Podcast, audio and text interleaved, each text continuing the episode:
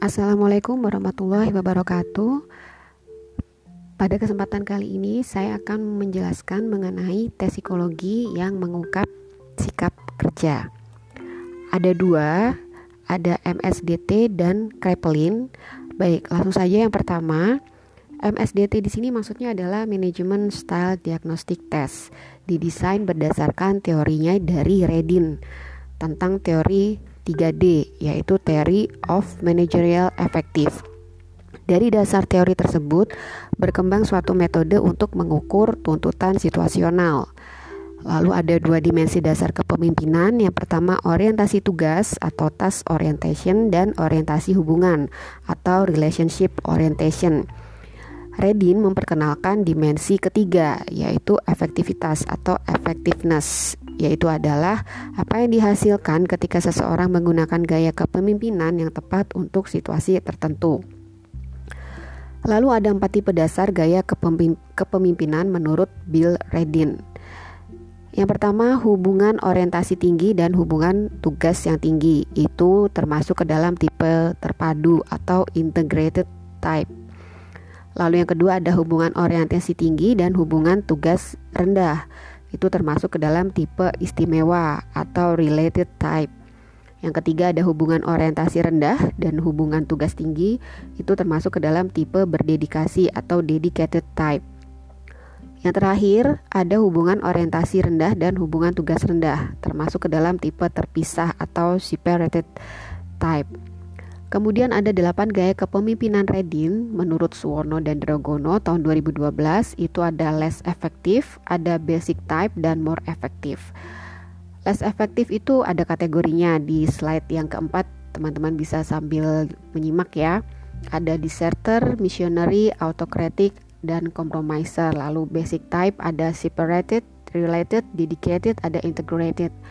Untuk more efektif ada bu apa bureaucratic, lalu developer, benevolent autocratic dan eksekutif.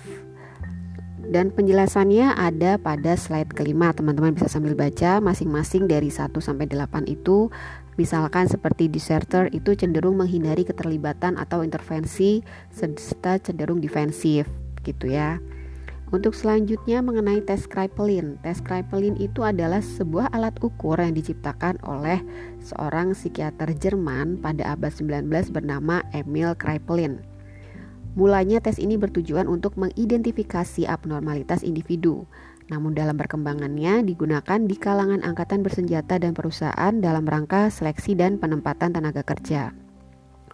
Menurut Anastasi pada tahun 97, Tes Kraepelin ini merupakan salah satu speed test atau yang di, uh, dimasuk speed test adalah waktu yang diberikan terbatas dan tidak akan cukup untuk menyelesaikan semua soal. Testi pada tes Kraepelin tidak diharapkan untuk dapat menyelesaikan sepenuhnya setiap deret karena yang diharapkan adalah kecepatan kerjanya. Selain itu, faktor lain yang dapat diukur dari tes Kraepelin ini adalah ketelitian, konsentrasi, dan stabilitas kerja. Aspek psikologis yang dapat mempengaruhi ketika mengerjakan tes antara lain persepsi visual, koordinasi visual motorik, ketahanan, dan learning effect. Konsepnya sendiri untuk tes Kraepelin ini termasuk ke dalam klasifikasi tes psikologi yang berdasarkan atas penciptanya.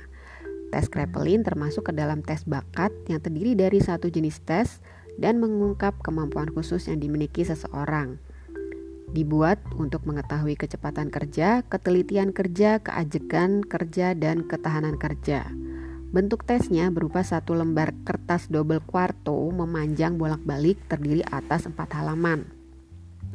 Di mana halaman satu untuk menuliskan identitas subjek dan contoh tes. Jadi subjek nanti diminta untuk mengerjakan contoh tesnya terlebih dahulu gitu ya sebelum masuk ke tes yang sesungguhnya. Lalu halaman 2 dan 3 berisi soal, halaman yang keempat itu untuk scoring, lalu ada grafik dan interpretasinya. Kemudian lembar tes itu dalam bentuk terpakai habis, maksudnya adalah semuanya digunakan begitu. Tes berwujud angka-angka sederhana yaitu angka 1 sampai 9 di mana nanti subjek diminta untuk menghitung penjumlahan dari angka 1 sampai 9 dengan variasi angka begitu ya, menjumlah ke atas. Gitu. Lalu untuk selanjutnya subjek diminta untuk menjumlahkan angka-angka secara berurutan dari bawah ke atas untuk dua angka yang berdekatan tanpa ada angka yang dilewati. Aspek yang diukur pada tes Kraepelin ini adalah seperti tadi sudah saya jelaskan, kecepatan kerja, ketelitian kerja, keajakan kerja, dan ketahanan kerja. Tes ini dapat disajikan secara individual maupun klasikal. Waktu keseluruhan yang diperlukan untuk pengerjaan tes kurang lebih 20 menit. Dengan perincian, Pengisian identitas subjek itu selama 4 menit, instruksi 2 menit, latihan 1 menit, dan total mengerjakan soal semuanya 12 setengah menit. Biasanya itu sangat sering digunakan untuk kepentingan seleksi, promosi, dan mutasi dalam bidang kerja dan jabatan. Ini dalam lingkup psikologi industri.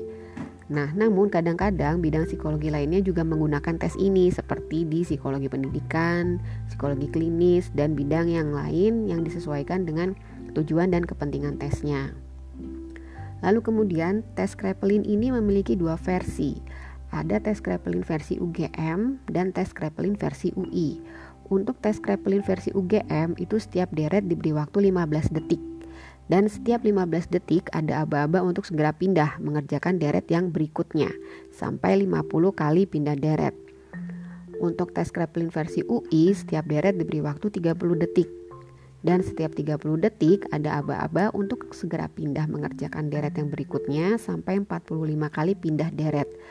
Jadi perbedaannya kalau di UGM untuk yang versi UGM itu waktunya 15 detik untuk setiap deretnya dan 50 kali pindah deret. Kalau versi UI itu waktunya 30 detik untuk waktu pindah deretnya. Lalu untuk mengerjakan soalnya sebanyak 45 kali pindah deret. Gitu teman-teman kurang lebihnya untuk tes sikap kerja ini. Nah, tes sikap kerja ini biasanya digunakan pada bidang psikologi industri organisasi. Begitu kurang lebihnya. Nah, um, ada pertanyaan dari saya yang bisa dijawab nanti di WhatsApp grup gitu ya. Silahkan sebutkan apa tujuan dari tes Kraepelin. Gitu ya. Bisa dijawab di WhatsApp grup.